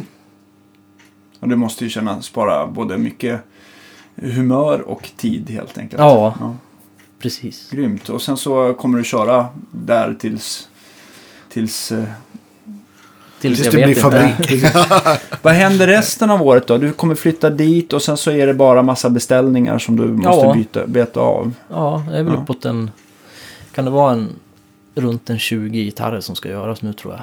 Ja. Och väntetiden nu är omöjlig att säga. Jättesvår att svara på. Jag har inte varit i den situationen innan med så mycket förfrågningar. Men Men du säger att du får ut ungefär en 25 gitarrer om året. om jag ligger i som Ja. fan. Ja. Mm. Eh, Om man men hoppar säg över 20 sömn då. och sådär. Ja. Ja, Ja, men jag, ja, det är skitsvårt att svara på väntetid Ja. nu, just nu. Men jag är ganska, som jag sa tidigare, det går ganska snabbt när jag Driftig. Jag blir så manisk och bara kör liksom. Ja. Någon får komma och stoppa mig när jag ska Du, podcast, äta. du podcastar inte bort dina dagar. Nej, det är, ju ex- det är ju bara för er. ja. Du stod där. Ja. Var, om jag tänker så här, har du byggt något så här, har du fått något så här konstig, har du byggt något så här, vad vet jag, med fler strängar eller så här harpsbassträngar, har du gjort, fått något så här konstigt? Alltså jag har ju styrt bort mycket grejer genom åren när det har Ja. varit så här, det här, jag är varken insatt i vad du vill ha eller jag känner att det där kan inte jag göra bra. Nej. Då får du gå till någon annan. Jag har gjort... Konstigt är det väl inte, men sju strängar acke liksom. Ja. Och det, det är inte konstigt med Nej. tenorer och sånt. Det är ju... Bariton, Ja, bariton har jag gjort mycket av. Det är, Ja. det, är, det är väldigt kul att göra vanliga sexer. Men just det här när det blir andra grejer så är det tolver. Ja. Det blir ett avbrott i, i det vanliga tänket. Liksom. Ja. Man får ta fram papper och okej, hur var det nu då? Så här. Och, Ja. ja. Nej, men inget så här helt spacade. Jag gjorde någon slide-kista en gång. Skithäftig. Ja, just det. Ja, kom, vad, såg du den? eller? Ja, visst. Eh, Det är Ola som har den. Ja, eller? Ola har den Ja. hemma. Jag vet inte vad han... Jag tror den ligger väl på någon hylla någonstans. Men det är Ja. som en, en likkista med två, två halsar. Hade jag gjort den idag hade jag väl gjort olika mensurer och så Ja. på den. Men det där var ju ett test. Som... Eh, översta knappen, vrid den till vänster. Eh, det är väl det mest spacade. Men det är ju inte så spacat det heller. Men den blev häftig. Ja. Och så hade jag, i och med att det blir två halsar då blir det ju, eller två sträng. Två gånger sex blir det ju. Ja. Eh, akustisk mick på båda och el på båda då. Mm. Så det var fyra ingångar. Så det var rätt häftigt att blända mellan. Mm. Så. Jag tror det var han Lundgren som gjorde. ja, just det. För att du var tvungen att bli så låga. Ja. Ja, precis. Han är ju bra på att göra lite custom-lösningar. Mm. Herr Lundgren. Mm. Vet jag. Ehm, Jag eh, är ledsen, men jag måste nästan börja tänka på att börja avrunda. För att man har ju faktiskt öppettider till, Ja. till eh, ja, som man måste hålla sig efter. Som man måste hinna med i alla fall. Precis. Så om det inte är någon så här, om det är någonting som du känner att du måste fråga just nu, Andreas. Nej, det tar väl aldrig slut, att Jo. säga. Men... Det är faktiskt en sak vi frågar jämt. Eh, förutom att tacka för att du ville vara med. Det är att eh, det kommer börja brinna i verkstaden här och du bara får ta med dig en grej härifrån. Bara, är det någon gitarr då eller är det något verktyg du inte Frågan kan är alla personer det. Ja. Vilka verktyg? Nej, men vilket, det brukar oftast vara vilken jävla gitarr. fråga. Ja. Ja, gitarr. Ja, jag skulle väl... En grej bara. Det är Ja. bara en grej jag hinner få med mig. Ja, Ja. precis. Ja, Det, ju- det hunden, vara, det kan är ju vara säkert... en, en, en, en, träbit. träbit också. Mm. Ja, hunden är ju ute. Ja, inga människor eller, eller djur. Inga eller, djur. Nej, utan en, Vilken jävla fråga. Stämjärn älskar jag men det går ju faktiskt att köpa nya. Ja. Nej. Har, du- har du något som är helt oersättligt? Ja, jag tror fan jag skulle rycka, och nu är det flera för sig, men, men mina eh, lock templates, vad säger man? Ja, just det. Mallar för ja, det. just det. Ja, Faktiskt, en, en sån där, fast Ja. två. ja. Du, man ser att du har... Nu, nu ringer nu, ska vi se. ringer Ja, ja, ja. Då tackar vi för idag helt enkelt. Ja, det gör vi. Mm. Stort tack för eh, idag. Tjena Ja. Klara! På återseende nästa vecka. Jajamensan, ha det så bra. Hej. Ja men vad fint. Fortsätt, fortsätt, fortsätt på den vägen.